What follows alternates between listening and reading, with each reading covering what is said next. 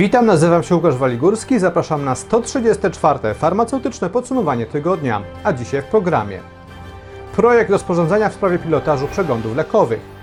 Bezpłatne leki na C tylko przez miesiąc? Sieć traci zezwolenia na wszystkie swoje apteki. Wytyczne od GIF dla aptek wykonujących szczepienia. Dyskusja o szczepieniach w aptekach przeciw grypie.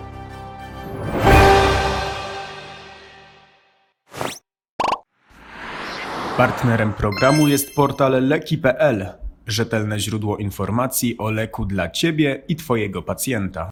W minionym tygodniu do konsultacji publicznych oddano projekt rozporządzenia w sprawie pilotażu przeglądów lekowych. Przeglądy lekowe jest to pierwsza usługa w ramach opieki farmaceutycznej, która ma trafić do polskich aptek. Na to rozporządzenie środowisko farmaceutyczne czekało bardzo długo. A czego się z niego dowiadujemy?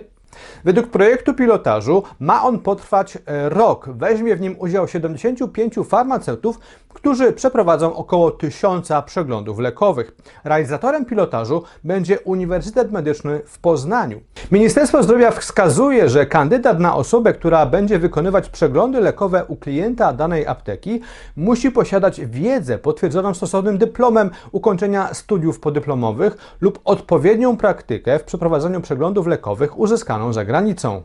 Dla farmaceutów, którzy wezmą udział w pilotażu, jest przewidziane wynagrodzenie w wysokości 100 zł za każdego pacjenta, u którego zostanie przeprowadzony pełen przegląd lekowy.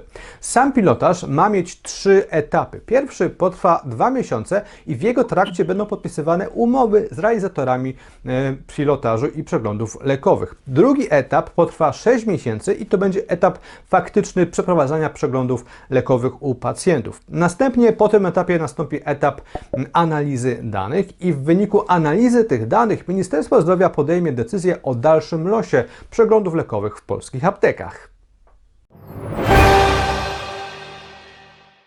Na początku sierpnia do Sejmu trafił rządowy projekt ustawy o zmianie ustawy o świadczeniach opieki zdrowotnej finansowanych ze środków publicznych. W tym e, projekcie znalazły się m.in. zmiany dotyczące wystawiania oraz realizowania recept z uprawnieniami dodatkowymi takimi jak S czy C. S są to oczywiście leki bezpłatne dla osób po 75 roku życia, natomiast C są to leki bezpłatne dla kobiet e, w ciąży. W przypadku bezpłatnych leków dla seniorów e, Ministerstwo Zdrowia proponuje zmiany, które ułatwią lekarzom wystawianie tego typu recept, dlatego że obecnie lekarz chcąc wystawić receptę z tym uprawnieniem dodatkowym, musi zweryfikować, jakie leki pacjent przyjmuje i otrzymuje od innych lekarzy. Musi to zrobić za pomocą systemu teleinformatycznego po uzyskaniu zgody pacjenta.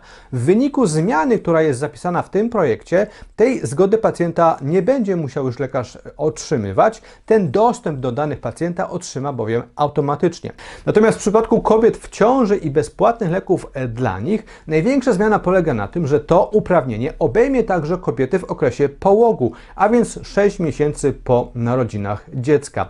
Jednak bardzo ciekawa zmiana jest zapisana także w tej ustawie w kontekście realizowania recept dla kobiet w ciąży, recept na leki bezpłatne dla kobiet w ciąży. Otóż okazuje się, że Ministerstwo Zdrowia chce wprowadzić zmianę, która będzie polegała na tym, że bezpłatne leki na uprawnienie C będą przysługiwać pacjentce tylko przez pierwszy miesiąc od wystawienia recepty na te leki lub od daty realizacji od dnia, która się na tej recepcie e, pojawi. Ten zapis spotkał się już z dużą krytyką farmaceutów w mediach społecznościowych, którzy wskazują, że po raz kolejny są komplikowane zasady realizacji recept. Poza tym określenie miesiąc jest nieostre, bo czasem miesiąc wynosi 29 dni, a czasem 31. Na początku sierpnia Opolski Wojewódzki Inspektor Farmaceutyczny opublikował na swojej stronie internetowej interpretację indywidualną, którą wydał na wniosek pewnego przedsiębiorcy, a dokładnie spółki akcyjnej. Z treści tej interpretacji można m.in. dowiedzieć się, że Wojewódzki Inspektor Farmaceutyczny w Opolu niedawno cofnął zezwolenia wszystkim e, aptekom tego właśnie przedsiębiorcy w całym województwie. A dlaczego? Okazuje się, że te apteki należą do spółki akcyjnej, w której niedawno doszło do zmiany w składzie akcjonariuszy. Do tej pory akcjonariuszami tej spółki były osoby fizyczne, ale w 2019 roku po uzyskaniu zgody UOKiK wszystkie akcje nabyła jedna spółka z OO. WIF w Opolu uznał, że taka zmiana w strukturze właścicielskiej była niezgodna z przepisami apteki dla aptekarza i doprowadziła do naruszenia przepisów. W rezultacie wszczęto postępowania dotyczące cofnięcia zezwoleń wszystkim aptekom należącym do tej spółki i w rezultacie te zezwolenia e, cofnięto. Te decyzje nie są ostateczne, dlatego że podmiot oczywiście złożył odwołanie do głównego inspektora farmaceutycznego, a więcej o tej decyzji oraz całą jej treść znajdziecie w portalu mgr.farm. Zachęcam do przeczytania artykułu na ten temat. Główny inspektor farmaceutyczny wydał niedawno komunikat, w którym przedstawił wytyczne, jakie powinny spełniać apteki, w których odbywają się szczepienia przeciw COVID-19.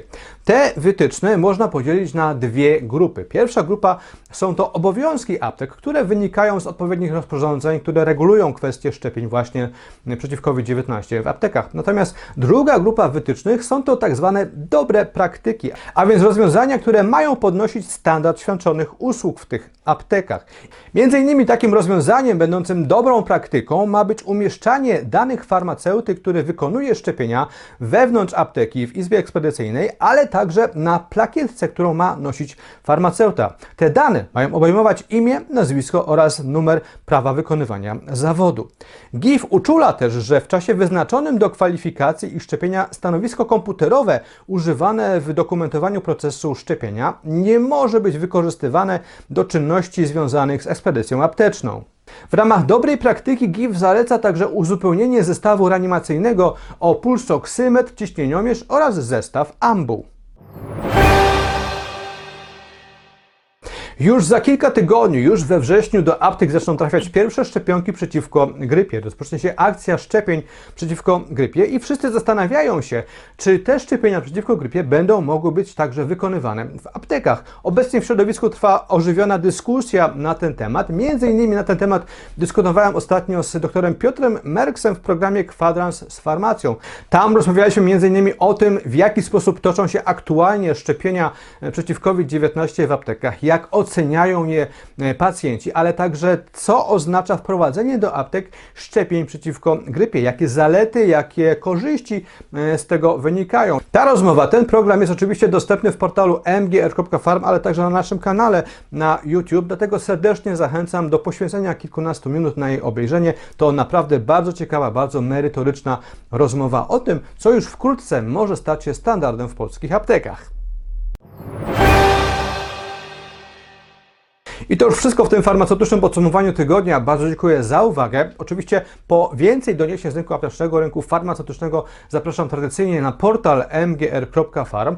Zachęcam też tradycyjnie do prenumeraty i czytania naszego magazynu dwumiesięcznika mgr.farm, który jest największym tego typu wydawnictwem w Polsce. Masz 120 stron, a za jego drukowaną prenumeratę można zyskać nawet 12 punktów edukacyjnych, a już wkrótce pojawi się jego nowy numer. Zachęcam i zapraszam na kolejny odcinek farmaceutycznego podsumowania tygodnia już za tydzień.